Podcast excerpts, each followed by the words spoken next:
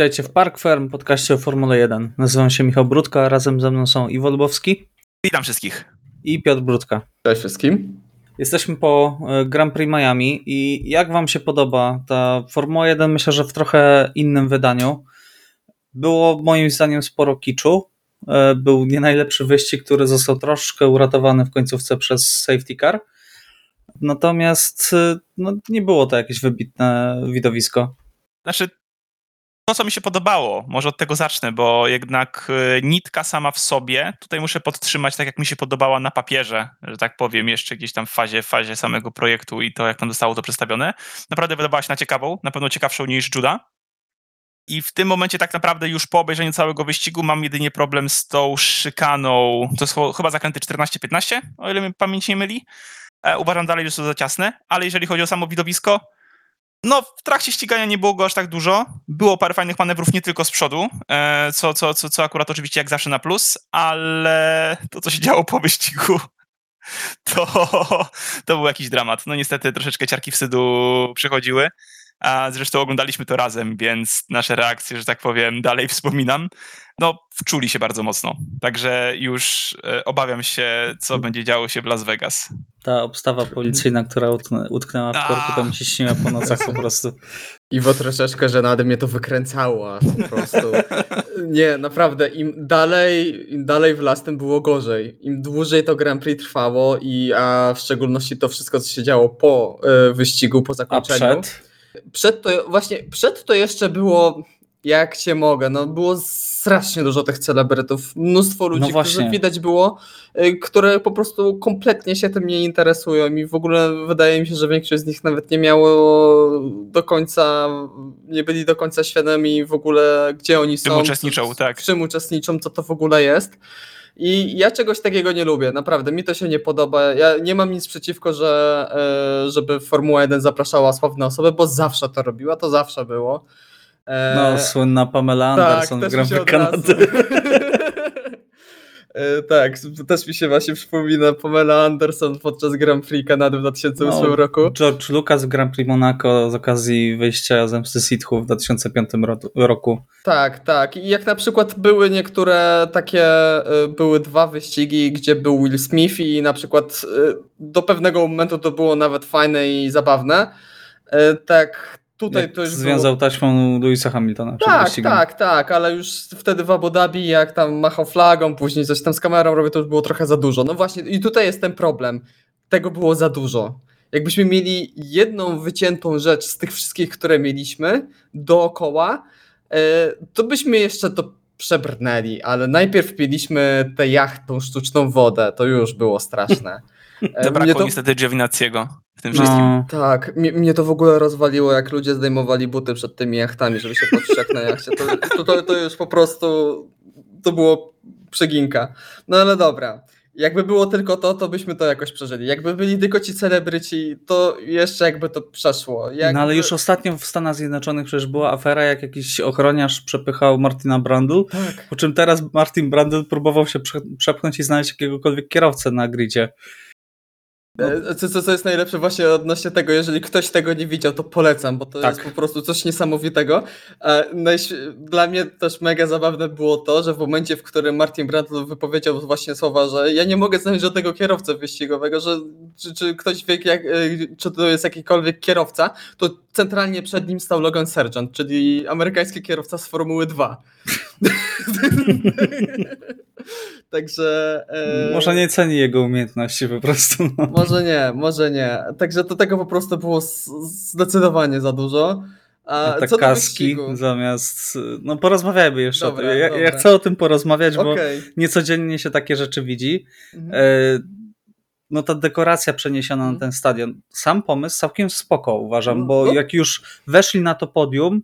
Pomijam te kaski niedorzeczne z, y, i w ogóle miałem takie wrażenie, że To konfetti było niedorzeczne. Po co? Przecież na spoconych kierowców konfetti puścić, tak? Żeby się No, lepiło i... nikt się nie przewrócił, bo jakby to była moja obawa. Ale Natomiast sama sceneria, ogólnie rzecz biorąc, gdzie to podium było już, jak już tam dotarli przez te wszystkie tunele, nie tunele i tak dalej, to całkiem spoko to wyglądało. No. Tak, tak, ja się zgadzam. Jeżeli o to chodzi, to naprawdę miejsce. E, właśnie inaczej, ja się obawiałem, że taki przystadionowy tor, e, jakby. Okej, mamy, mieliśmy już takie tory, mamy takie tory w dalszym ciągu, natomiast w tym przypadku, jeżeli chodzi o stany i, i, i jakby parkingowy tor, nazwijmy albo w ten sposób, to chyba są złe wspomnienia, jeżeli chodzi o, o, o, o Tak. Formułę 1. Caesar Palace to był chyba, tak? Tak, tak, Tak, Tak, to także Palace. jako uznany chyba najgorszym torem Formuły 1 w historii. Tak, najgorszy, Eee, najgorszy wyścig. I jakby pierwsza myśl moja była, to, to też właśnie miałem obawy. Jak już zobaczyłem nitki, nitkę, tak jak wspomniałem wcześniej, troszeczkę się uspokoiłem i jakby cała otoczka tego, może poza tym sztucznym bajorem, który tam chcieli stworzyć, to wizualnie i, i, i tymi jachtami, yy, które tam do no, niwki za przeproszeniem nie pasowały, to poza tym wizualnie naprawdę było Nie, wizualnie było jak najbardziej, super. jak najbardziej, tak, właśnie mówię, Chociaż- jak najbardziej. Wyglądał, wyglądał jak Thor, naprawdę. To, Tak. Chociaż jeszcze jedna rzecz mnie tak przykuła, że obok tych jachtów tam była ta właśnie cała strefa powiedzmy plażowa i mnie też niesamowicie bawili ludzie, e, którzy siedzieli przy tych basenach, bo jeszcze ci, co siedzieli w basenach, to jeszcze jak cię mogę, ale siedzieli przy tych basenach i oglądali wyścig na wielkim telebimie, a mogli równie dobrze wstać, odwrócić się, przejść 20 kroków i byli tuż przy praktycznie samym torze i mogli to oglądać na żywo. Także to, to też mi po prostu miażdżyło głowę. Ale tak e, Ale słyszeli, toru, ale bo, słyszeli. No coś tam słyszeli. no, Kiedyś, kiedyś to by słyszeli, kiedyś to było. Ale co do samego, to, samego toru, to ja byłem bardzo mile zaskoczony, bo byłem, jak pamiętacie, byłem strasznie sceptycznie na, nastawiony. Mówiłem, że to będzie Kajotes i w ogóle e, tragedia. Ale sama nitka, samo otoczenie i tak dalej, to naprawdę dobrze to wyglądało. Nie wyglądało to jak tor na parkingu. Także tutaj naprawdę duży plus. Sama nitka też wydaje mi się, że fatalna... przedostatni zakręt był super. Mhm. Taki wyrzucający, bardzo Tak. trudny dla, dla wielu bolidów. Tam na Mhm. przykład Bottas tak popełnił błąd i stracił Tak. dwa, dwa miejsca. Znaczy, y, z największym problemem wydaje mi się tego toru, tego w ogóle Grand Prix był nie sam fakt y, y, tej szykany, która, na którą też kierowcy narzekali, ale ja akurat, Iwo też tutaj narzekał, a ja się nadal trochę nie zgadzam, bo akurat to był element taki ciężki, trudny i gdzie czy to w kwalifikacjach, czy to w treningach kierowcy popełniali błędy, także był taki trochę bardziej wymagający element tego toru, ale była nawierzchnia najgorsza. To był największy problem, że wszędzie poza linią wyścigową e, przyczepność była zerowa. To po prostu było, wydaje mi się, że poza linią wyścigową było gorzej niż na tej legendarnej już Turcji, gdzie wylali nowy asfalt i była kompletna tragedia. Jeździły samochody Tak, wieczorem, po czym w nocy spadł deszcz. To było piękne. Także e, tutaj mieliśmy podobną sytuację, podobny problem, że no po prostu ten asfalt był no beznadziejny i wydaje mi się, że mielibyśmy o wiele ciekawszy i lepszy wyścig, gdyby poza linią wyścigową można było się ścigać, można było jechać sensowną prędkością, bo parokrotnie dowiedzieliśmy w trakcie tego wyścigu, że jak kierowca popełnił chociaż lekki błąd i wyleciał z tej linii, no to po prostu nagle jakby na, na lód wleciał. No tragicznie to wyglądało i to przed następnym Grand Prix muszą e, organizatorzy poprawić zdecydowanie. Oj, mają dużo czasu, żeby, żeby Bo- palić bo- tą bo- gumę, także... Tak, no bo głównie, głównym problemem, e, głównie przez to ten wyścig był po prostu nudny. Ja widziałem też już takie wypowiedzi w internecie, że no, co, co narzekacie, było tam, jeśli dobrze pamiętam, 46 czy 47 manewrów wyprzedzania. Czego E, widzieliśmy 20? E, tak, w, w, realizatorka to, o Boże, Mm. to już inne. W trakcie wyścigu strasznie mnie to denerwowało. E, ale że e, 46 manewrów wyprzedzania, czemu narzekacie? No właśnie problem polegał na tym, że w większości te manewry wyprzedzania albo ich w ogóle nie widzieliśmy, e, albo no, nie były zbyt emocjonujące. Bo były, Anemiczne. Były anemiczne na tej bardzo długiej, prostej z DRS-em. No i ja wielokrotnie to powtarzam, że takie wyprzedzania nie są emocjonujące. Ja już naprawdę nie mówię, że sam DRS jest zły, tylko takie wyprzedzania, gdzie po prostu zanim kierowcy dojadą do dohamowania, już e, ten kierowca wyprzedzający jest e, daleko przed e, tym broniącym się. Także no to, to nie zostawia, to nie jest żadna historia, to nie zostawia w ogóle jakiegokolwiek znaku w głowie. Okej, natomiast mam jeszcze jedno pytanie do Was. Czy nie uważacie, że Formuła 1 trochę za mocno próbuje się przypodo- przypodobać Stanom Zjednoczonym? Tak. Znaczy, ja rozumiem, że y, chcą wejść na ten rynek i już weszli z buta, naprawdę, bo i oglądalność wyścigów jest świetna i y, no, prze, przebił się ten sport w końcu w, w Stanach Zjednoczonych i do tej y, świadomości kibica y, w Stanach Zjednoczonych. Natomiast no, wystawianie takiej osoby do, y, do wywiadów, gdzie widzieliście tą minę Carlosa Sainza, jak skończyli wywiady. Tak, a to jeszcze kierowca był w dodatku. Tak, Zacznijmy, zacznijmy od Chuck. Leclerc. Chuck Leclerc, tak, to oj tak. E, Później, e, no i pytanie, tak, tam on pytał o opony, e, Chassis. pakiet aero, chassis, tak. No super, no to, jest, ale to, to, no jest, naj- jest. to jest najdziwniejsze, że ten człowiek był kierowcą wyścigowym w przeszłości. On ma yy, przeszłość w wyścigach, także ja myślałem, że to jest w ogóle jakiś, nie wiem... Niezwiązana osoba. w ogóle niezwiązana osoba, bo mówiła w taki sposób. Mnie to strasznie bawiło, bo ja oglądałem właśnie e, ten, to show przed, e, przed wyścigiem na F1 TV. e, I tam właśnie było, był wywiad między innymi z nim, z Villeneuve'em i z Montoją. Po prostu to, jak Montoya się praktycznie te, e, jemu, już nawet mi wypadło, jak ten człowiek miał na nazwisko, ale jak mu się prosto w oczy praktycznie śmiał z tego, co mówił i po prostu za każdym zdaniem, jakie wypowiedział, to Montoya po prostu wybuchał śmiechem. To po prostu coś, to było coś pięknego. Jak komuś się chce, to też warto to zobaczyć, bo to no, niedorzeczne było. no, Montoya nigdy nie gryzł się w język, tak? Tak, zdecydowanie. E, Ale tak jeszcze nawiązując do twojego pytania, no to mi się wydaje, że zdecydo- że no, z perspektywy powiedzmy fana z Europy, e, wydaje mi się, że tak, że już idziemy trochę za bardzo w ten bycie takimi e, bardzo powiedzmy amerykańscy, w taki bardzo stereotypowy sposób. Mhm. E, Ja wiem, że rynek amerykański jest gigantyczny i myślę, że to jest generalnie do, dobry kierunek, żeby Formuła 1 była tam, stała, stawała się tam coraz bardziej popularna, no bo jest to kraj, który też ma bardzo duże motorsportowe tradycje, także jak najbardziej. Tylko, że no właśnie, za Berniego Ecclestona to wyglądało tak, że Formuła 1 chciała, przyjeżdżała tam i mówiła, my jesteśmy wielka Formuła 1, yy, to ma się wam podobać tak jak jest i nic, nic się nie zmienimy. I To, się było po- złym podejściem. to było złym podejściem i koniec końców się, no, to podejście się po prostu nie udało. A teraz wydaje mi się, że to jest przejście w ogóle w drugą stronę, w takie stylu, no zobaczcie, jakim, jacy my jesteśmy fajni tylko dla was i ta, że jesteśmy tacy, ta- tacy jak wy i u nas jest takie mega fajne show. Trochę jak e, tym, w tym memie, że how, e, e, how you doing fellow kids po prostu. No Trochę trochę tak, tak. trochę tak 1 się teraz zachowuje. No, mnie osobiście y, uderzył zwłaszcza ten, te, te, te kaski, tak, y, z futbolu amerykańskiego dla najlepszych trzech kierowców.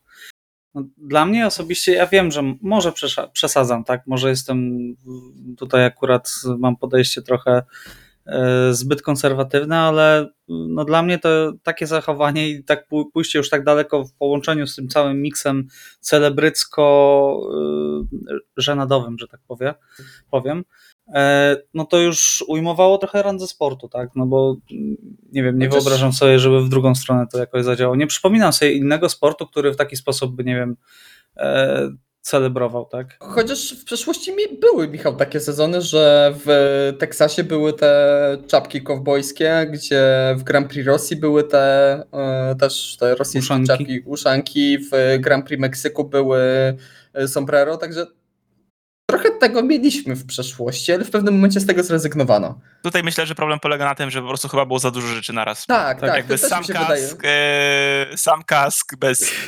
Przypomniał mi się ten e, Carlos Sainz salutujący.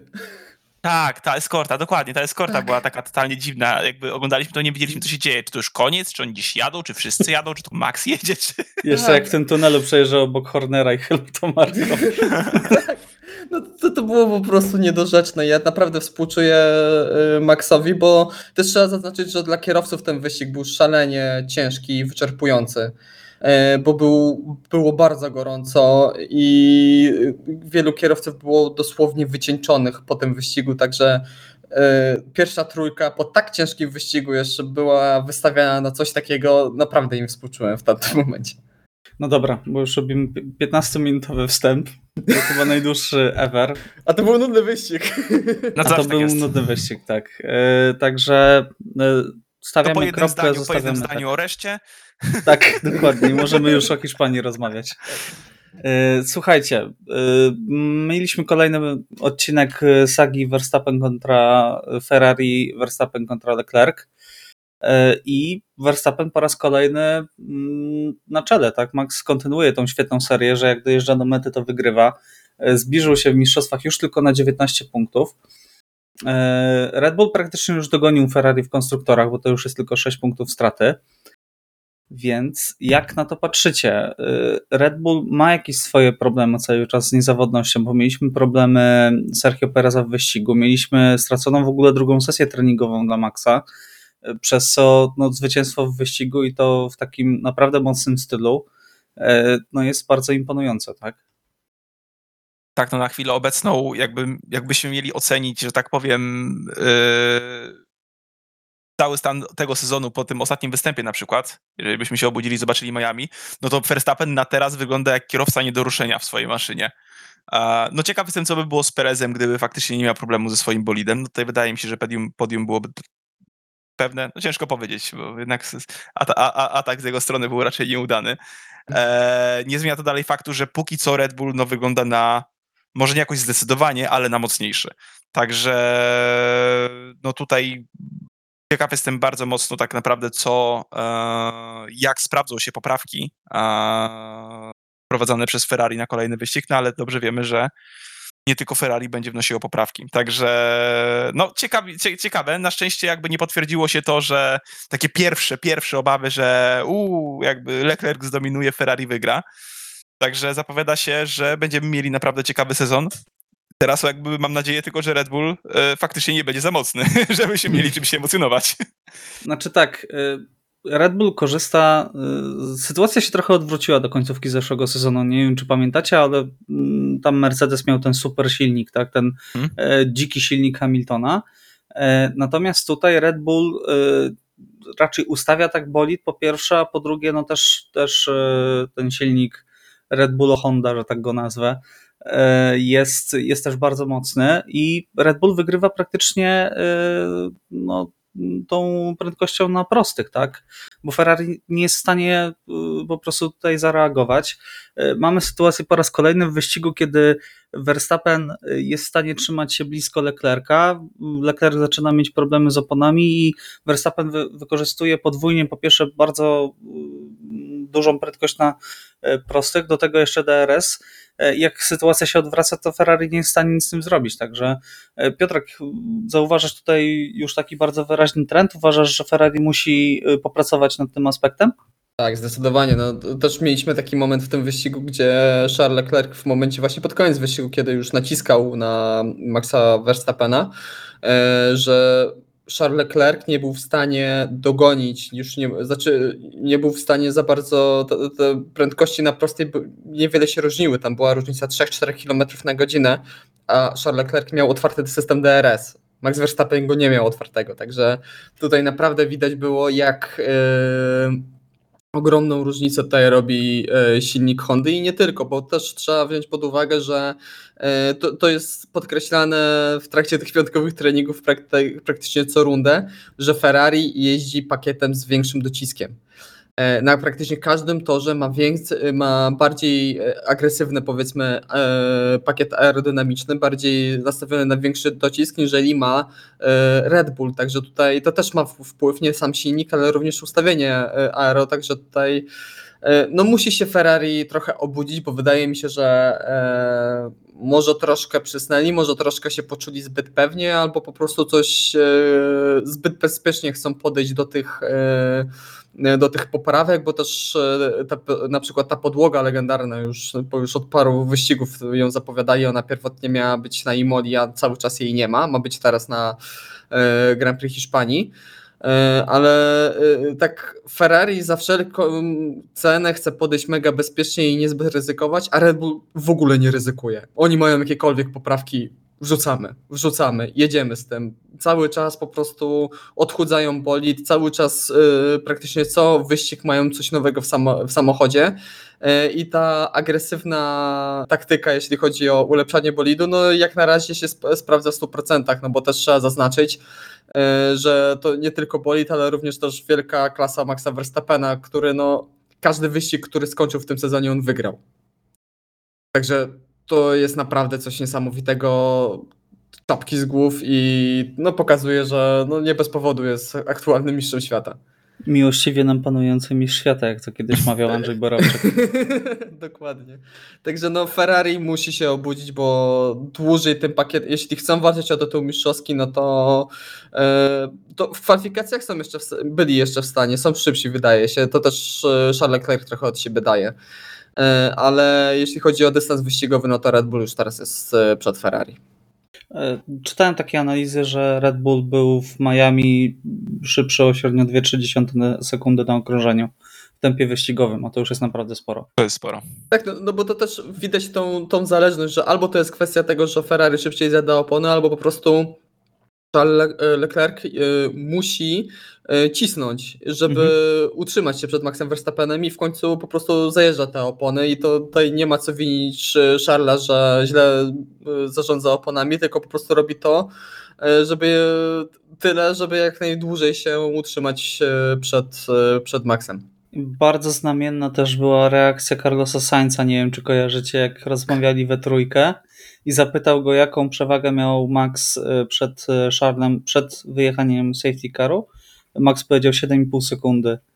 E, no może nie powiem dokładnie, jak, tak. jak zareagował Carlos, ale to było o kurczę. Były, poszły tam niecenzuralne słowa. Tak. Także był, tak. był Carlos w szoku. No, mi się wydaje, że właśnie to też jest takie trochę pokazanie, że Ferrari i że trochę zbyt mocno, może trochę zbyt mocno uwierzyli w siebie. No zobaczymy. No, trudno nie uwierzyć po takim McBurn, gdzie byli nietykalni nawet Oj, tak. przy Maxie, tak? Jesteśmy dwa wyścigi kolejne i nagle sytuacja się odwraca. No ale to jest urok tego sezonu, tak? E, urok e, Formuły 1. E, natomiast chciałbym jeszcze powiedzieć o Carlosie parę słów, bo trzeba przyznać, że mm, całkiem nieźle się ogarnął, tak? Bo też ten wypadek w piątkowych treningach no musiał po raz kolejny, to już takie demony się odzywały trochę i presja była ogromna, jednak przejechany czysto wyścig no i wrócił na podium. Myślę, że to jest też bardzo ważne e, dla niego, zwłaszcza, że no, Sergio Perez dokonywał tam szalonego ataku w pewnym momencie i różnie się to mogło skończyć. Oj tak, walka bana żyletki. No przede wszystkim tak, można Sainzowi pogratulować, bo oj, zdecydowanie potrzebował tego podium po dwóch poprzednich wyścigach.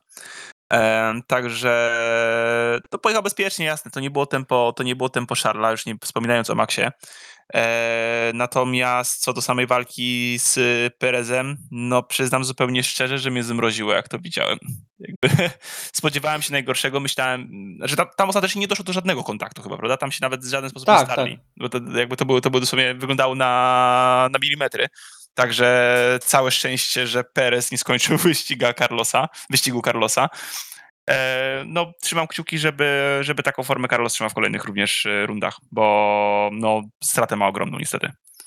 No, Ferrari tego bardzo hmm. potrzebuje, tak. przede wszystkim w konstruktorach, tak. No i żeby dawać e, też no, tą przewagę taktyczną, tak, dla, dla Charlesa. No już myślę, że możemy powoli zacząć mówić w tych kategoriach, zwłaszcza, że Sergio też, e, no nie ukrywajmy, nie będzie raczej pierwszym kierowcą w tym e, sezonie w Red Bullu przy takiej jeżdżącym Maxie. To już jest 50 punktów różnicy pomiędzy, no pomiędzy panami, także no niestety. o, o ile tutaj Carlos Sainz nie, nie wpadnie w jakąś dziką serię, gdzie nagle zacznie wygrywać wyścig za wyścigiem. No, zobaczymy, czy czekamy na Monako, nie? Tam jest duża szansa na odrobienie punktów do Charlesa. Nie, może tym razem dojedzie, no spokojnie. Już rozbił Ferrari na Monaco w tym roku. O Jezu, tak. O tym też pogadamy, ale, ale troszeczkę później. później. E, także no to, też się zgadzam z wami, że tutaj potrzebował tego Carlos, tym bardziej, że no w piątek już to źle wyglądało, tym bardziej, że no ta bariera przy zakręcie numer 14, no to jest skandal, że, że nic nie zostało z tym zrobione i tylko się trzeba się cieszyć, że, e, że żaden kierowca tam po prostu nie ucierpiał, bo tam nie było dużo prędkości, a i Carlos się rozbił bardzo potężnie, a Esteban Ocon w tym samym miejscu również wydzwonił i tam przeciążenie sięgnęło 51G przy naprawdę niskiej prędkości, także to naprawdę niezrozumiałe dla mnie, że tam nie było jakiejś porządniejszej bariery, która trochę wchłaniała energię. No Sainz mówił, że odczuwał w niedzielę jeszcze skutki tego wypadku. Tam bolała go mocno szyja podczas jazdy, także to też mogło mieć Mhm. wpływ na jego tempo. No dobrze, e, to myślę, że tutaj stawiamy kropkę. Czekamy na więcej, myślę. Mamy po raz kolejny sytuację, w której dwa zespoły walczą e, zaciekle między sobą e, w każdym wyścigu. E, I myślę, że tutaj jest naprawdę potencjał na jak nie tak dobry sezon jak rok temu, co nawet lepszy bym powiedział. Bo tutaj ta różnica jest dużo mniejsza. Tak, jednak Mercedes na początku poprzedniego sezonu miał większą przewagę. Pa- Pamiętacie, że przed, po Hiszpanii mówiliśmy, że już prawdopodobnie jest po mistrzostwach.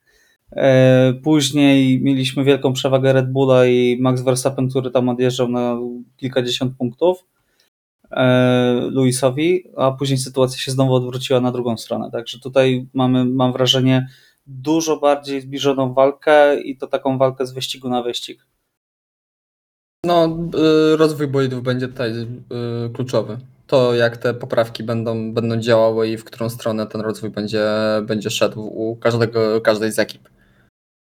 Dobra, to stawiamy kropkę, idziemy dalej. Valtteri Bottas walczący z Mercedesami. Valtteri chyba przeżywa drugą młodość i mm, wątpię, żebym, żeby się spodziewał, że tak dobrze e, może wyglądać jego sezon. E, Mimo tego, że jak sam powiedział, nie miał jeszcze e, czystego weekendu w tym sezonie, tak tutaj no, walczy jak równy z równym z Mercedesami i odgraża się, że jak sobie wszystko poukładają, to nawet mogą o walczyć. Oj tak, s- bo strasznie mnie boli ten błąd popełniony przez Walterego pod koniec wyścigu. A czemu go popełnił Piotrek? Popatrzył na Mercedesy. Walczące. To jest niesamowite, że się do tego przyznał. Że Mhm. popełnił błąd patrząc w lusterka, jak walczą ze sobą Mercedesy. No fantastycznie. Znaczy, no, no, no, coś tam może jest w tym jakaś logika, no z chwilę po restarcie patrzysz na pewno w lusterka, żeby patrzeć, czy przypadkiem ktoś tutaj ci nie sadzi bomby jakiejś potężnej, albo czy się tam z tyłu nie zderzali, nie zderzyli zakręt. i nie lecą w ciebie. No ale no, no kiepski, no, no, no s- Do no tego nie. momentu, do, Tak. do momentu tego Idealne. błędu, Bottas kierowca wyścigu. Tak, zdecydowanie. Zdecydowanie. Yy, Znaczy może nie kierowca wyścigu, ale naprawdę fa fa fantastyczny wyścig w wykonaniu Walteriego, no ale ten błąd no niestety e, trochę zabolał, trochę, trochę bardzo zabolał, no bo kosztował 4 punkty Alfa Romeo, a wiadomo, że w środku stawki te, każdy jeden punkt się liczy. Ale to też pokazuje, że eki- ekipa Skin Wheel zrobiła świetną robotę i e, ten bolid Alfa Romeo w tym sezonie jest naprawdę znacznie lepszy. No, chyba taki bolid, na który czekali już od dwóch czy trzech sezonów na dobrą sprawę, gdzie, gdzie co roku były nadzieje, że no, to będzie czwarta ekipa, że trochę tutaj dadzą więcej, a tutaj naprawdę w końcu w końcu e, to zatrebiło, no i też widać, że w w Walteri po prostu odżył. To, że w Mercedesie już wydaje mi się, że od paru sezonów tam była strasznie toksyczna atmosfera, też strasznie duża presja, e, z, też ze strony zespołu, jak i też ze strony fanów i z, w mediach społecznościowych było dużo hejtu na Walteriego. Także myślę, że tutaj odżył. Teraz i... go wszyscy kochają za te fotki na Instagramie i plakaty, które sprzedaje. O Jezu. Już czekam, czekam, znaczy nie czekam, nie, nie mam nadziei, że to powstanie, ale się nie zdziwię, jak jakaś strona OnlyFans powstaje tutaj Walteriego. No, wiesz co już do- dostaniesz na urodziny, Piotrek, jaki plakat. O Boże. Powiesisz sobie nad łóżkiem. O nie. O. Piotrek, przecież jesteś fanem. Nie aż taki. Ale o samym bolidzie Alfy, no to już nawet Robert Kubica, bo były w międzyczasie jeszcze testy e, Pirelli, tak? Na Imoli. Mhm. E, I Robert Kubica miał okazję przejechać 100 okrążeń tym bolidem i powiedział, że gdyby e, w tym roku zastępował e, jednego z kierowców, to by spokojnie dojechał dwa razy w punktach. Mając tak mało mm, okazji do jazdy, tak? Tak- Także to, to pokazuje, jaki to jest fantastyczny bolid. Że mu tam się oko nawet zaszkliło, powiedział, czy coś, co- coś w tym stylu. Czy błysk wokół się pojawił. No, klasyka z Klasyka Roberta. no, dokładnie. Williams 2019. Dobrze. e, w- Jak już mówimy o Williamsie 2019, to porozmawiamy o George'u, E, George po raz kolejny lepszy od e, Louisa Hamiltona. E, I porozmawiajmy ogólnie o Mercedesie, bo Mercedes wygrał pierwszą sesję w tym roku, o ile dobrze pamiętam. Mhm. Wygrał drugi trening i wydawało się, że te poprawki, a przywieźli ich całkiem sporo, działają. Natomiast no, przyszła sobota i Mercedesa kompletnie nie było, nie liczyli się w walce. W niedzielę wyglądało to podobnie, tak? No, byli na tym swoim poziomie, tak? Czyli E, no de facto best of the rest, ale jak cokolwiek pójdzie nie tak, no to spadają, spadają niżej. E, więc jak to skomentujecie? Okazuje się, że ten bolid, coś tam już w nim pracuje, natomiast to okno, w którym ten bolid działa, jest bardzo, bardzo wąskie, a to nigdy nie jest dobry znak. Mi się wydaje, że też tutaj bardzo duże znaczenie ma to, że oni cały czas nie rozumieją tego bolidu do końca bo w piątek, tak jak mówisz, działało to super. E, w sobotę e, dokonali, chcieli trochę ulepszyć ustawienia samochodu. E, I w trzecim treningu już było, wyglądało to słabo, to znaczy słabo, no, słabo w. W, w, wyglądało to bardzo źle, także najwidoczniej te, te zmiany ustawień poszły w złym kierunku, no i nie udało się powrócić do tej formy z piątku. Też pewnie inne ekipy zrobiły trochę krok, krok do przodu, jak to zawsze w Formule 1 bywa. E, ale no, wydaje się, że na, na pewno pomogły z porpoisingiem, bo już ten samochód e, Mercedesa tak nie gibał na prostych, już to nie było takie niedorzeczne. E, także wydaje się, że pod tym aspektem jest już lepiej. No ale jeśli chodzi o czyste tempo, no to tutaj mają jeszcze dużo do odrobienia, jeśli chodzi, e, jeśli chcą walczyć chociażby o podia, bo tutaj naprawdę z czystego tempa no nie, ma pra- nie mają prawa tutaj walczyć o podium. Widziałem też takie porównania tempa wyścigowego e, i jaką stratę ma Mercedes do, do lidera. E, I tak jak to w Bahrajnie na przykład wyglądało, że tą stratę mieli mniej więcej na okrążeniu 60 E, do prowadzącego, tak tutaj już jest 1 i 2 e, na okrążeniu, także tutaj naprawdę ta, e, ta strata się cały czas pogłębia, te dwie pierwsze ekipy idą cały czas do przodu, a wydaje mi się, że Mercedes stoi i nie za bardzo wie, w jaki sposób muszę ruszyć do przodu. No to jest też ogromna zaleta, tak wracając do poprzedniego wątku jeszcze Alfa Romeo, tak? Oni bardzo otwarcie mówią, że e, ten tunel, e, który zbudowali, e, no działa, tak? I działa świetnie i te dane, praktycznie każda poprawka, którą przyprowadzają z tego tunelu, wsadzają do bolidu i ona od razu działa tak, jak miała, miała działać. Natomiast u Mercedesa to, to absolutnie tak nie wygląda. To też trzeba tutaj zaznaczyć, taka Alfa, która jest mega zadowolona z tego tunelu, ma znacznie więcej czasu niż Mercedes w tym tunelu. No tak. Bo też, też rzadko się teraz o tym mówi, ale wydaje mi się, że to też ma duże znaczenie. No tak, Alfa ma zdecydowanie więcej tego czasu, Mercedes ma, ma tego czasu mniej, ale to wkrótce się zmieni, tak? Bo o ile dobrze pamiętam, to y, ten czas jest aktualizowany tam co pół roku. Mhm, tak, w, połowie, w połowie sezonu mniej więcej po pół roku mm, będzie zmiana. Teraz przypadkiem nie jest tak, że Hiszpania ma być takim największym sprawdzającym momentem właśnie dla Mercedesa, gdzie e, dopiero tak. będziemy w stanie potwierdzić, czy bolidzi tak. na śmietnik i czy czeka nas jakaś zupełnie nowa konstrukcja z nową filozofią? E, tak, zwłaszcza, że przypominam, że Mercedes na pierwsze testy niby nie testy oczywiście, prywatny shakedown. A, tak, e... tak. tak, tak, tak, tak, tak nazwali, tak. Tak, e, przywiózł e, bolid zupełnie inaczej wyglądający i działający, tak.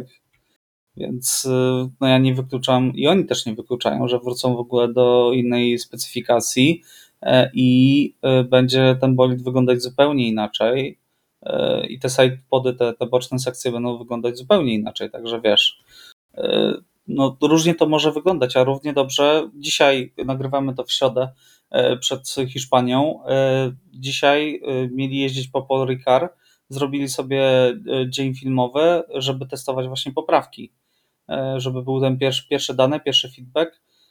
Także zobaczymy, co z tego wyniknie. Ferrari też zrobiło sobie dzień filmowy z kolejnym, znaczy kolejnym, pierwszym bardzo dużym pakietem poprawek więc tutaj jest ostre zbrojenie się przed e, Grand Prix Hiszpanii, ale o tym jeszcze porozmawiamy. Natomiast chciałbym też e, porozmawiać trochę na, na inny temat, o Aleksie Albonie, E, Śmialiśmy się trochę, że farbuje włosy i ma punkty. E, I znowu to zrobił. Skoczybek. To jest taki trochę cichy bohater tego sezonu. Patrząc na to, jak jeździ Latifi, e, wraca po. Weteran jednak- zespołu. Tak, e, wraca jednak po, po rocznej przerwie, tak. E, I ten Williams to była taka trochę ostatnia deska ratunku, tutaj wszedł e, już drzwiami, tak. E, Mama Alexa, e, który drugi raz zdobył punkty w bolidzie, który naprawdę nie jest jakiś super. Jest, mam wrażenie, że Williams jest dużo gorszym, bo dysponuje dużo gorszym tempem w porównaniu do innych bolidów niż rok temu. I to tak spadli trochę w tej hierarchii, tak? Bo Williams Mhm. pod koniec zeszłego sezonu, no może nie pod koniec, ale w W drugiej środkowej części, części. Tak, w środkowej części był w stanie dojeżdżać w punktach bez większego problemu. Albo o te punkty walczyć. Mhm. Tak, tak, jak byli w środku stawki, to też było widać przede wszystkim po kwalifikacjach. Znaczy tam duży wpływ miał na to George Russell, na pewno, ale do, na, pewno, na pewno auto było w stanie, no przecież umówmy się, y, Q2 to było coś zupełnie normalnego, prawda? Tak. Y, Dla tego zespołu. Nawet Latifi się łapał do Q2. Tak, tak, Także- tak. Teraz Latifi musi się wymalować cały czerwoną farbą na kolejny wyścig, także właśnie no, wydaje mi się, Cały że w, tym, mo- tak, że w tym momencie niestety są w trochę złym miejscu. E, ale to, co powiedziałeś, Michał, no ja jestem szalenie pozytywnie zaskoczony Aleksem Albonem. Spodziewałem się, że Albon y, wchodząc z buta po przerwie wygryzie Latifiego. To niestety nie świadczy dobrze właśnie o tym drugim. No ale właśnie zaskakuje ta skala różnicy tak między tymi kierowcami, bo jednak w drugim sezonie, yy, znaczy w poprzednim sezonie, yy, Latifi tak strasznie nie odstawał od Russella. Tam wielokrotnie finiszował za nim, ale jednak ta różnica Miał nie tempo, była, tak, tak. yy, nie była jakaś ogromna. Tutaj to jest przepaść. No, to są No, ogromne w, W wartości. Tak? kwalifikacjach Nicolas e, da, dał radę pokonać Tak. raz George'a Russella, także tutaj naprawdę radził sobie w, w miarę dobrze. Eee, No ale Nie wiem, czy to jest kwestia po prostu może- niezrozumienia tych nowych bolidów. Może to też jest kwestia tego, że, że ten bolid mu bardzo nie, nie pasuje, albo charakterystyka tych bolidów generalnie mu nie pasuje. No, różnie to może być, wiadomo, że, że takie duże e, zmiany w regulaminie czasem weryfikują, może, może weryfikują to złe słowo, ale po prostu sprawiają, że niektórzy kierowcy, którzy w przeszłości byli e, dobrzy albo nawet bardzo dobrzy, no potem strasznie gasną. No. E, Sebastian Vettel? Sebastian Vettel albo na przykład y, po wprowadzeniu opon Pirelli Mark Webber, który kompletnie, który miał z nimi bardzo duże problemy, także ta- Także tak, takie sytuacje się, się zdarzają. No i wydaje się, że przynajmniej na razie no Nikolas sobie niezbyt dobrze radzi, a Alex Albon naprawdę e, brawo, no według tego, tego powiedzenia slow but steady po prostu nie ma tego tempa, ale wykorzystuje tę sytuację, to co się dzieje z przodu. Tutaj z, wykorzystał to pod koniec wyścigu, że e, dwóch Niemców się zdarzyło na torze i e, zaprzepaścili swoje dobre rezultaty. E, a tu Alex Albon po prostu jedzie swoje, jedzie bezbłędnie, bo to też trzeba e, zaznaczyć, tak jak na przykład w Red Bullu praktycznie co, co sesję treningową albo co weekend wyścigowy się musiał przynajmniej raz rozbić i jakieś tam straty narobić Red Bullowi. Tak tutaj w ogóle tego nie ma. E, także naprawdę bardzo dobry powrót jak na razie Alexa Albona do sportu. No i zobaczymy, jak szeroko za, e, szeroki był ten zakład, bo ja chciałbym zobaczyć pana Josta Capito w czerwonych włosach. Okej, dobrze, to przejdźmy, przejdźmy dalej. Będziemy na pewno bacznie obserwować e, e, Alexa Albona. Myślę, że tam farby dla całego zespołu starczy, bo e, na bolidzie tej farby jest coraz mniej. E, Tak, w ogóle tak. to jest bardzo ciekawa sprawa, że zespoły masowo zrywają farby ze swoich bolidów, żeby oszczędzać czas, tak? Że tam e, No przecież e, inżynierowie Williamsa poprosili zespół, zarząd zespołu, żeby w ogóle się pozbyć farby z całego samochodu. Ale nie posłuchali. ludzie od marketingu zaprotestowali, powiedzieli, że to jest przesada. Nie no, trochę bieda by była, umówmy się, no spójrzcie na to kurczę. Same malowania, może nie wszystkie jakieś ładne, a tu masz po prostu czysty czarne auto, nie? To, to w ogóle jest... Z jakimiś naklejkami sponsorów, Tak, nie? tak. Czarnymi. Musimy oszczędzać farbę. Ojku. No dobrze, to przejdźmy dalej. E, McLaren. Zachwycaliśmy się ostatnio McLarenem i przyszła weryfikacja brutalna po raz kolejny. Norris nie dojeżdża po bardzo dziwnym wypadku. Ja miałem e, no, bardzo zdziwiony byłem tym, bo, bo zarówno Gasly, jak i Norris sprawiali wrażenie takich trochę, nie wiem, Śniętych. śniętych, no właśnie, Tak, że tak. nie za bardzo Znaczy, E, podobno y, y, Pierre Gasly miał jakieś problemy i on... Tak, on Tak, miał uszkodzony bolid po zderzeniu z Alonso, tak, to rozumiem. Natomiast to, że Lando, no, to jeden i drugi skręcili w swoim kierunku, tak? Trochę, minimalnie. Jakby no. chcieli się Każdej kamery chcieli. zależy, zależy od tego, z jakiej kamery spojrzeliście. No tak właśnie. wydawało się, że wina jest tego drugiego po trochu, No więc jakby no, wina leżała po środku faktycznie ostatecznie. Ja- Sędziowie się zgadzają, tak? Racing Incident. Natomiast No, wyglądało to bardzo dziwnie. Ja do dzisiaj nie wiem, co sądzić o tym wy- wypadku. Naprawdę nie mam pojęcia, który bardziej zawinił, który mniej. No strasznie głupia sytuacja. I no rzeczywiście tutaj y, McLaren trochę został sprowadzony do ziemi. No te kwalifikacje nie były takie złe, no bo Lando Norris dostał się do Q3 e, i, i zakwalifikował się na ósmym miejscu, no ale w wyścigu raz kiepska strategia, dwa no ten wypadek, który totalnie zaprzepaścił ich szansę, no a Daniel Ricciardo znowu był nigdzie, niestety. Tak. Jakby niewidoczny kierowca. To jest, tak, jeden z tych kierowców w tym wyścigu, którym zapomniałem, że w ogóle jechał. Za, zaczynam Nie, się, jakby- szczerze powiedziawszy, zaczynam się powoli martwić o przyszłość Daniela Ricciardo w tym sporcie, Mhm. bo y, to powoli już zaczyna no, Być regułą. być regułą, że on jest gorszy, że on nie ma już tego błysku, że rzadko kiedy daje naprawdę e, powód, żeby się nim zachwycać i żeby w ogóle przejeżdża jakieś bardzo dobre wyścigi. Już o pokonywaniu tutaj Lando Norrisa nie mówię, ale często od niego bardzo, bardzo odstaje, a wiemy, że no e, wypłatę dostaje dosyć niezłą. Pamiętajcie, 4 lata temu to był gość, o którym mówiliśmy. On Mistrz zaraz świata. będzie mistrzem świata. Dajcie mu bolid, on zdobędzie tytuł. Tak. No i niestety nigdy tego bolidu nie dostał. Po pierwsze nigdy nie dostał, ale po drugie mam wrażenie, że w tym momencie gdyby McLaren miał bolid na poziomie Ferrari i Red Bulla, to Lando by błyszczał, a nie Tak, a nie tak, tak, tak. Tak, Dane, też bym postawił na pewno na Lando w, takim, w, takim, w takiej sytuacji. Jak jeszcze ten epizod w Renault był w miarę, w miarę. Ten pierwszy sezon był taki bez przekonania, ale później już. Pierwsza ten... część tego pierwszego Tak, sezonu, pierwsza tak? część była, ale no- później już deklasował Hulkenberga w drugiej Tak. części. Tak. Drugi sezon też był solidny. No objechał tam Okona naprawdę konkretnie, tak? No, podium w Renault, także to naprawdę, naprawdę był, był bardzo dobry ten, e, ten epizod w Renault, a tutaj w McLarenie jakoś coś tam nie gra. No pytanie co? I czy, bo tutaj już wiesz, jest mnóstwo kierowców, którzy się tam pchają drzwiami i oknami e, do, do McLarena między innymi. E, Masz kierowców z IndyCar, tak? E, Którzy też e, tam patrzą coraz ciekawiej na Formułę 1. E, Są kierowcy w F2, także mm, no, Dany nie jest młodszy, tak? Dany już jest po 30, dobrze pamiętam? Tak, tak, tak. On już jeździ kawał czasu w Formule 1. Jeden, przecież jeden, od jeden z tych kierowców, który jest starszy od nas, 2011. Michał. Nie skomentuję tego. Aż sprawdzę, który to jest rocznik. To jest rocznik Ja, e, ja, pamiętam, że w 89, pierwszym więc on... sezonie, ja pamiętam, że w pierwszym sezonie Drive to Survive mówił, że kończę 30, muszę pomyśleć dalej o swoim życiu. Tak.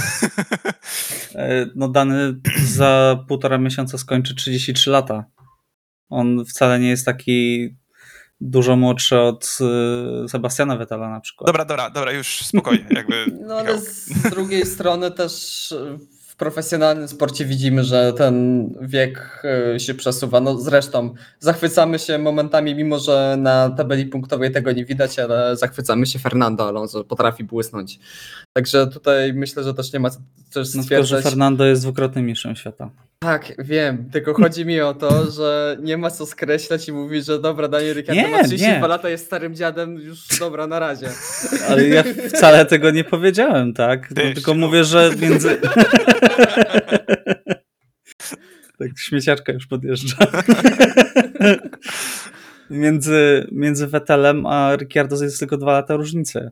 Mhm. A Vettela już rok temu wyganialiśmy na emeryturę. I zresztą Seb teraz sam myśli o emeryturze, ponieważ e, jest, sam powiedział ostatnio, że jest hipokrytą, tak, że walczy o zmianę klimatu i jeździ w bolidzie Formuły 1. Zresztą bardzo się angażuje w tę walkę, tak? Wiem, Tak, to tutaj akurat pod tym względem trzeba yy, pogratulować, naprawdę szacunek dla Seba, że, że to nie są tylko puste słowa i puste slogany wrzucane, nie wiem, gdzieś z social media. Yy, Wiesz, ty- y, Piotrek? Nie ma pan dowodów. E, e, ale tutaj naprawdę za tym idą czyny i za tym idzie naprawdę taki widać, że prosto z serca przekaz, także naprawdę szanuję. Still we rise. Znaczy, E, dobrze. tak, ale tak, tak, tak, tak tego podsumowując, Seba chyba teraz nie da się nie lubić. Jakby nie oceniając na to, że, na to, że jest różnie, jasne, ale Jak tak się nie patrząc na na to, osobę, że to jest spoko. Seba chyba nie da się nie lubić w tym momencie, to jest tego typu kierowca. No chyba, że założę gacie na kombinezon, to wtedy tak średnio to wygląda. No dobrze. E, Czy chcielibyście coś jeszcze dodać do tego wspaniałego wyścigu? Schumacher po raz kolejny no, przedzwanił, no, no nie oszukujmy się. Klątwa Russella. A jechał naprawdę super wyścig. Mhm, E, To chyba ty, Piotrek, powiedziałeś, że no, Schumacher chyba w końcu punkty zdobędzie. tak. Patera. I to Nie, no, jeszcze, nie- i to jeszcze w niedorzeczna była kogo? ta- Niedorzeczna była ta sytuacja, bo ja szczerze powiedziawszy, na początku jak spojrzałem, e, jak widzieliśmy tą jedną powtórkę, bo oczywiście tylko jedną mi- mieliśmy. Nie, Mhm. Po nie co? To, że, po, po co jakieś onboardy? Nie no, niepotrzebne to. No, ale jak po wyścigu spojrzałem sobie na onboardy jednego i drugiego e, z kierowców, no to to serio było. Jeden i drugi kierowca mógł zrobić coś więcej, bo to była bomba naprawdę z bardzo daleka w wykonaniu Mika Schumachera i to było bardzo ryzykowne. I wydaje mi się, że to było zbyt duże ryzyko, biorąc pod uwagę, że już wtedy jechał w punktach. E, ale z drugiej strony Sebastian Vettel skręcił sobie, jak to. Jak to Vettel mia, ma w zwyczaju, bo to nawet w Red Bullu w tych sezonach mistrzowskich mu się zdarzało, że w momencie, w którym atakuje go jakiś kierowca i nie jest z nim koło w koło, tylko gdzieś tam bardziej z tyłu, to Sebastian Vettel sobie wjeżdża w zakręt, jakby nikogo tam nie było. I później jest wielkie zdziwienie, że jak to jest kontakt, dlaczego? No i tutaj była praktycznie taka sama sytuacja, że Sebastian Vettel znowu skręcił sobie po prostu jakby nikogo tam nie było. Może nie zauważył Mika Schumachera. To też jest taka jakaś szansa, chociaż wątpię, chociaż to byłoby dziwne, biorąc pod uwagę, że no walczyli ze sobą, także no... Znowu No widzisz, Walteri- sprawdzę jego obecności. Waltery za dużo patrzył w lusterka, Seb za mało. No. Muszą to wypośrodkować i ani jeden, ani drugi nie będzie miał problemu. Razem mogą mieć wszystko, tak? Tak, dokładnie. Ale Fettelowi pewnie musiało być smutno, jak się dowiedział, kto w niego uderzył, tak już stuprocentowo. No, pytał się, kto w niego uderzył. No. I jak usłyszał, że Mik, no to od razu przestał mieć pretensje. To było na swój sposób urocze. Tak, no, tak, ale to, to mi się, jeśli chodzi o Mika Schumachera, zaczyna trochę przypominać e, właśnie sytuacja George'a Russella, z którego też w pewnym momencie była ta presja, żeby w końcu zdobyć te punkty pierwsze. E, I tutaj Mm. wydaje mi się, że zaczyna się podobnie, podobna sytuacja, bo Mik już wylądował na tą słynną tabelkę wyścigów bez zdobytych punktów. Już No, tam jest wiesz, top 5. Jest inny kierowca, który wylądował już dosyć wysoko na liście.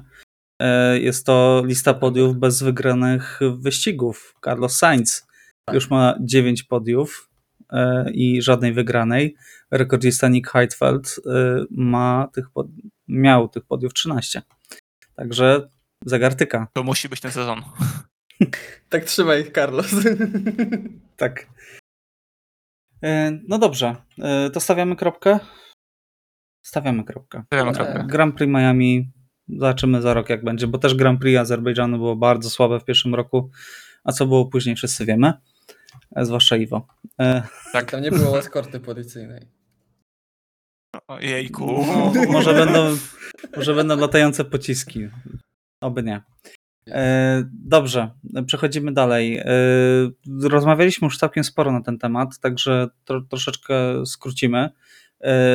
Budżet i poprawki, które są szykowane. E, Widziałem fantastyczną wypowiedź Binotto i muszę Wam ją e, przytoczyć. E, Przy okazji korzystam tutaj z tłumaczenia portalu F1 e, Dziel Pasję.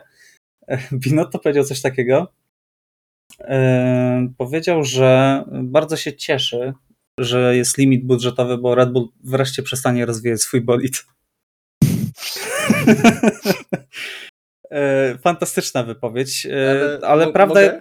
Tak, tak, proszę. Jedną ma- e, małą rzecz w- wtrącę, bo odpowiedział na to pan Helmut Marko. O. I zapytał ciekawe, ile kosztowały wypadki Carlosa Sainza.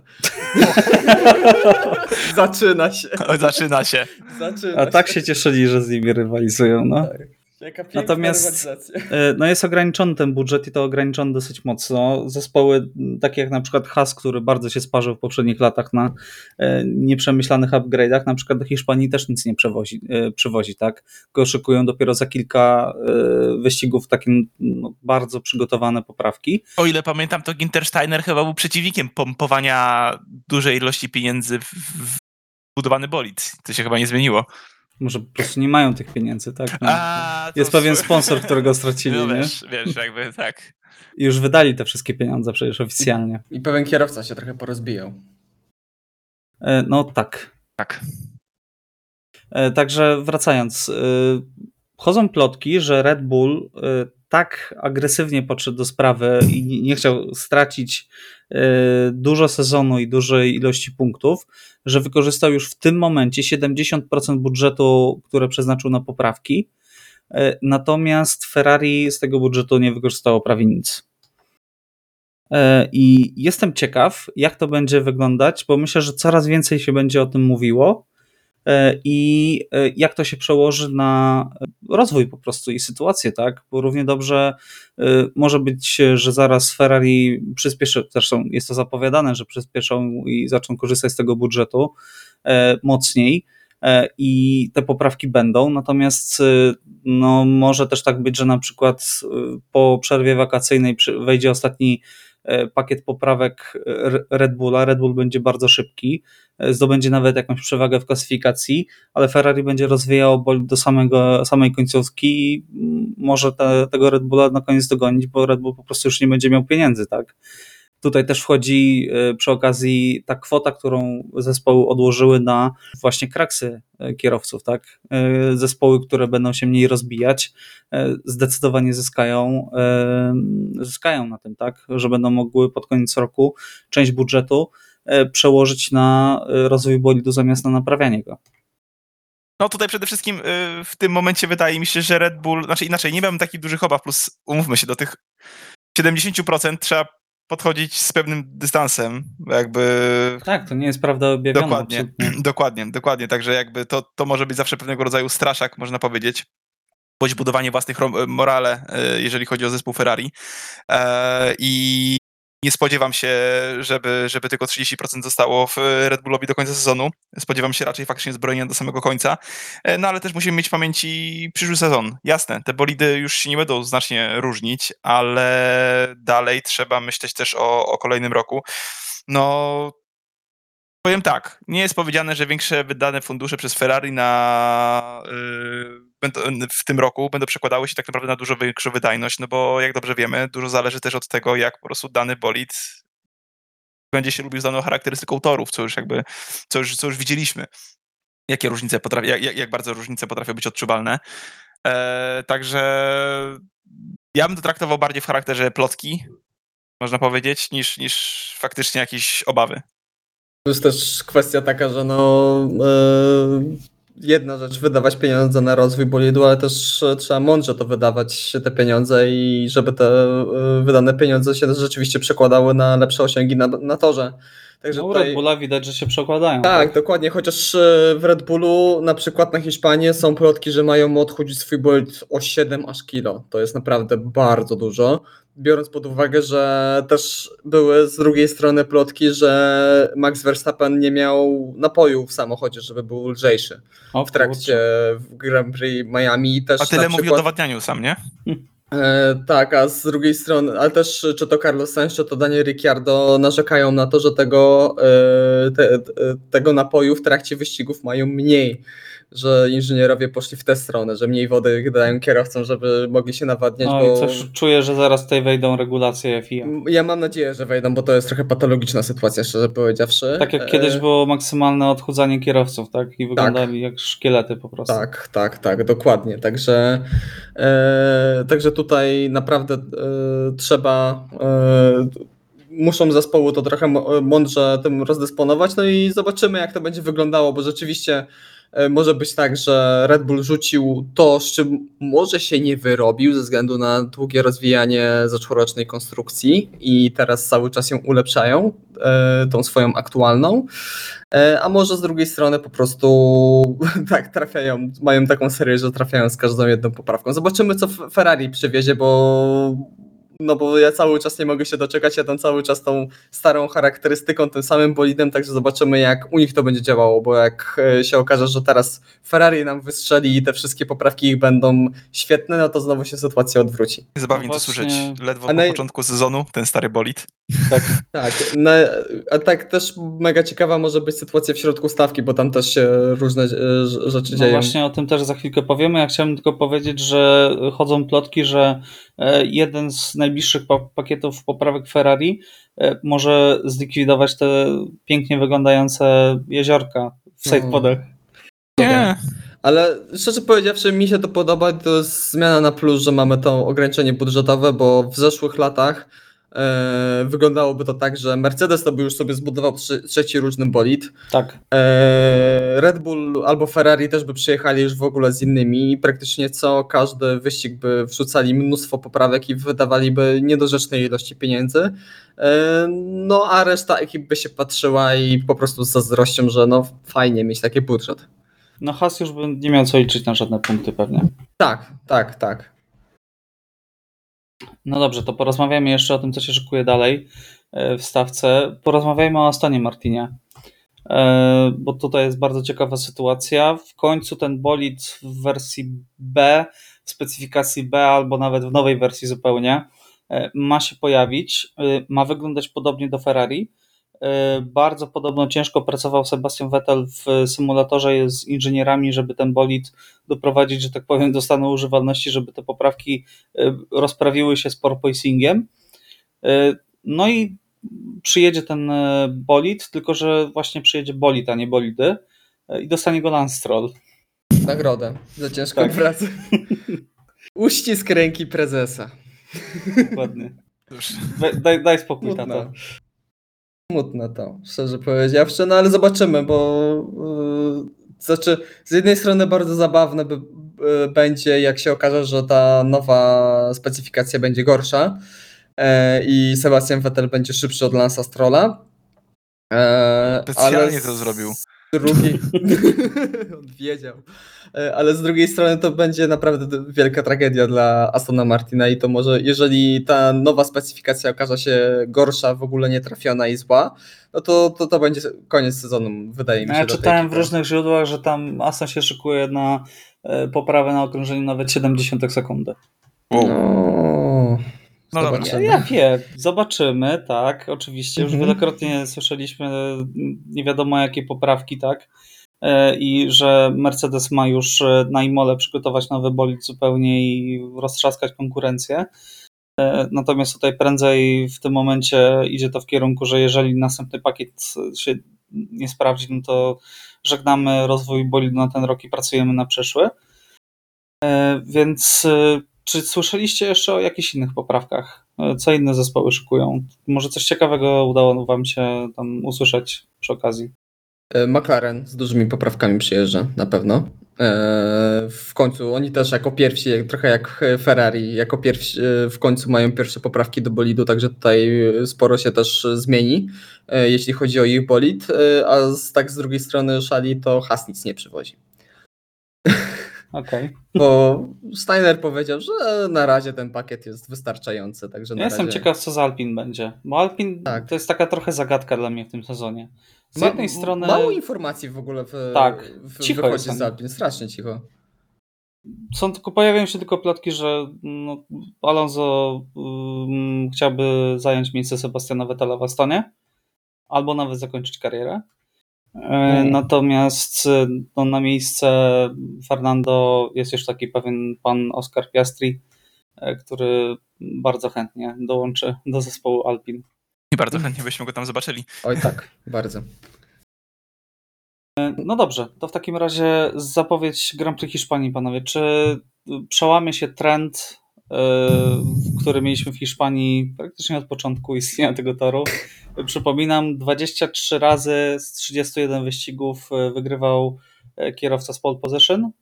E, Absolutny natomiast- rekord w tak. kalendarzu Formuły 1. E, Natomiast pięć mm, pozostałych e, razów, że tak powiem, pięć razy wygrywał kierowca z drugiego pola. Natomiast spoza czwórki były tylko trzy przypadki. E, Spoza trójki pierwszej były tylko trzy przypadki. E, Był Michael Schumacher w 96 roku, ten słynny deszczowy wyścig. Był jeszcze jeden kierowca, którego teraz nie, nie pamiętam, wypadł mi kompletnie z głowy, przepraszam. I e, Max Verstappen, kiedy jego pierwsza wygrana w Formule 1, tak? kiedy Mercedesy postanowiły, że jednak spędzą pierwsze okrążenie na poboczu. Fernando Alonso Okej. też miał chyba takie zwycięstwo. E, Tak, on wtedy zaliczył chyba jeden z najlepszych. Tak. To był, ten, to był ten wyścig chyba. Tak, z czwartego pola wystartował, mi się wydaje i... No już e, prowadził po pierwszym Tak, zakręcie. dokładnie. No to prawie tak pod dziwi. Jakby Tak. reasumując, nie jest to najciekawszy tor do oglądania. Ale właśnie y, dwie informacje. Po pierwsze, tegoroczna specyfikacja, a druga, może nie w tym roku, w tym roku z tego nie skorzystamy, ale w przyszłym e, są plany, żeby zmienić nitkę, tak? E, Żeby wrócić do tej nitki, która była kilkanaście lat temu, czyli pozbyć się tej nieszczęsnej szykany w trzecim sektorze, tylko pojechać prosto, tak jak czasami kierowcy w treningach e, nie potrafią się zmieścić do tej szykany, blokują opony, jadą prosto e, i wtedy zamiast tej, tej szykany mamy bardzo szybką sekcję, bardzo szybki łuk, e, po którym wjeżdżamy na prostą startową, tak? W końcu, Tak, może w no. końcu. Jakby od samego początku, jak tylko ten tor widziałem, jeździłem po nich w, jakichś tam grach, czy, czy, czy oglądałem te wyścigi, marzyłem tylko o tym, żeby tej szykany nie było. Żeby pojechać tą starą nitką, no, je- jechać tym starym łukiem, też, też mnie to zastanawia, czemu tak długo to zajęło i mam nadzieję, że... Bezpieczeństwo. Tak, E, tak. tak, W zeszłych latach wiadomo, że bezpieczeństwo plus to też jest niesamowite, że y, nie tylko kwestia bezpieczeństwa, ale organizatorzy w ten sposób chcieli, żeby y, ściganie było ciekawsze. No, Mark Webber nie no. narzekał, bo on zawsze był piekielnie szybki w tych szykanach. Tak. Zyskiwał, pamiętam, po 40 sekundy od, nad resztą e, w tym ostatnim sektorze. E, Natomiast ja też pamiętam wspomnienie Roberta Kubicy, który mówił, że e, przed pierwszym swoim testem właśnie na Barcelonie, jeszcze jadąc po starej nitce V10, jak spojrzał na ten zakręt i spojrzał jak e, bolidy tam przejeżdżają, to powiedział, nie, ja nie dam rady. Oj tak. Tak. Także panowie, czego się spodziewacie? Ciekawy wyścig, nudny wyścig? Mm, Wlejcie trochę nadziei we mnie. Będzie niezły, będzie lepszy niż w Miami. Coś Tak. się wydarzy. Ja, Specyfikacja, specyfikacja bolidów chyba podbudow- podbudowuje nas troszeczkę, wydaje mi się. No dwie strefy DRS będą, no. Coś musi się wydarzyć. Poza tym prędkość Red Bulla na prostych. Chociaż tutaj, no tak jak mówię, Hiszpania będzie o tyle ciekawa, że nawet jak będzie nudny wyścig, to na pewno będą jakieś przetasowania w stawce, tak? I będziemy patrzeć, To kto... pit kto... stopy będą. Okej, dobra, to nie, przed... to nie przedłużamy w takim razie. Nie, nie, nie, ale tak zupełnie, zupełnie, zupełnie, serio. Naprawdę, poprzednich, po poprzednich wyścigach jestem naprawdę bardzo pozytywnie zaskoczony tym, że e, śledzenie się, że tak powiem, e, śledzenie bolidów jest, jest możliwe, e, bliska jazda jest możliwa, dlatego naprawdę rajcuję się, że tak się wyrażę, tym wyścigiem, tak samo jak chyba każdym poprzednim. Także jak coś, Michał, masz tutaj moją pozytywną energię, wyścig będzie dobry, będziemy pewnie oglądać w jakiś sposób wspólnie i będziemy się dobrze bawić. A jak nie, to jakoś przetrwamy. Czy, Tak, jesteś, czy jesteś usatysfakcjonowany? tak jak najbardziej. To słucham Super. waszych e, tutaj przewidywań. Kwalifikacje, wyścig kierowca dnia. A jakie, jak, i, i po ile mam, O. to bardzo istotne, Michał, ile mam punktów teraz? No, ty nie trafiłeś nic w Miami. A, Stawiałeś, za- że Perez zdobędzie pole position, Leclerc wygra wyścig, a kierowcą będzie Dan Ricciardo. Ajaj. Ja zdobyłem punkt za pole position Charlesa, Piotrek za wygraną Verstappena. Także ja mam punktów 4, wy macie po 2. A Także nie trafiłem z kierowcą dnia przypadkiem? nie, George'a Russella wskazywałeś. No ale taki A dobry mógłby, wyścig mógłby, przejechał. to, to, to byłoby No. możliwe. Ej, to kto bo- był kierowcą dnia w końcu? Max Verstappen. A no, No tak. kto? Ale to jest chyba już ostatni jego po- po- tego kierowca dnia przed zwycięstwem, bo ile można. No jest, jest nuda po prostu w kierowcy dnia w tym roku, bo jest albo Leclerc, albo Verstappen. No, Ludzie kochani. Ileż można. Dobrze, ale, było, panowie. ale, był, ale był rozjazd taki, że było to tylko kilkanaście procent, nie? Tak naprawdę niedużo. Także Dobrze. Kwalifikacje, Iwo. Kto wygra? Kwalifikacje? Wyścig. E, Charles Leclerc wygra kwalifikację, Max Verstappen wygra wyścig, kierowcą dnia zostanie Carlos Sainz. Mm, Ciekawe za co. Piotrek? To nie startował z ostatniego miejsca. Jak opluł. Boże. To ja powiem yy, trzy razy Leclerc. Ojejku, ale nuda. No nuda, no. Życie. Trzeba, trzeba... No, Najnudniejsze jest to, że ja też tak stawiam. Czyli wierzymy w y, poprawki Ferrari, że nie będzie Grande Strategii, bo trochę, trochę był powrót do Grande Strategii w tym w Miami. No były takie kontrowersje, że nie zjechali przy safety carze, yy, ale te patrzę, postoje były kiepskie. postoje były kiepskie, ale z drugiej strony jak myślę sobie, jaką prędkość na prostych miał Red Bull, to ja bym też nie ryzykował. To by nic nie dało. Yy, To by nic nie dało, dokładnie. Nie dałoby no nic. wiesz, trafiłbyś za Pereza, który niby ma problemy z silnikiem, ale jak widać było, no to potrafi yy, całkiem niezłą prędkość yy, na DRS-ie uzyskać, tak? Mhm. I wyprzedzenie jego byłoby naprawdę ciężkie. To Więc fakt. ja tutaj akurat poszedłbym tropem Ferrari raczej. Zagrali bezpiecznie. Dwóch kierowców na podium. Myślę, że też nie mają powodów do lamentowania. No dobrze, to w takim razie yy, dziękujemy Wam, jeżeli dotarliście do tego momentu. Yy, dziękuję Wam za słuchanie. Życzymy Wam udanego wyścigu. Yy, natomiast o Grand Prix yy, Miami rozmawiali no nie tacy celebryci jak tam yy, Iwo Lubowski, Dzięki, do usłyszenia. Piotr Brudka Dzięki, cześć. i Michał Brudka. Trzymajcie się, cześć.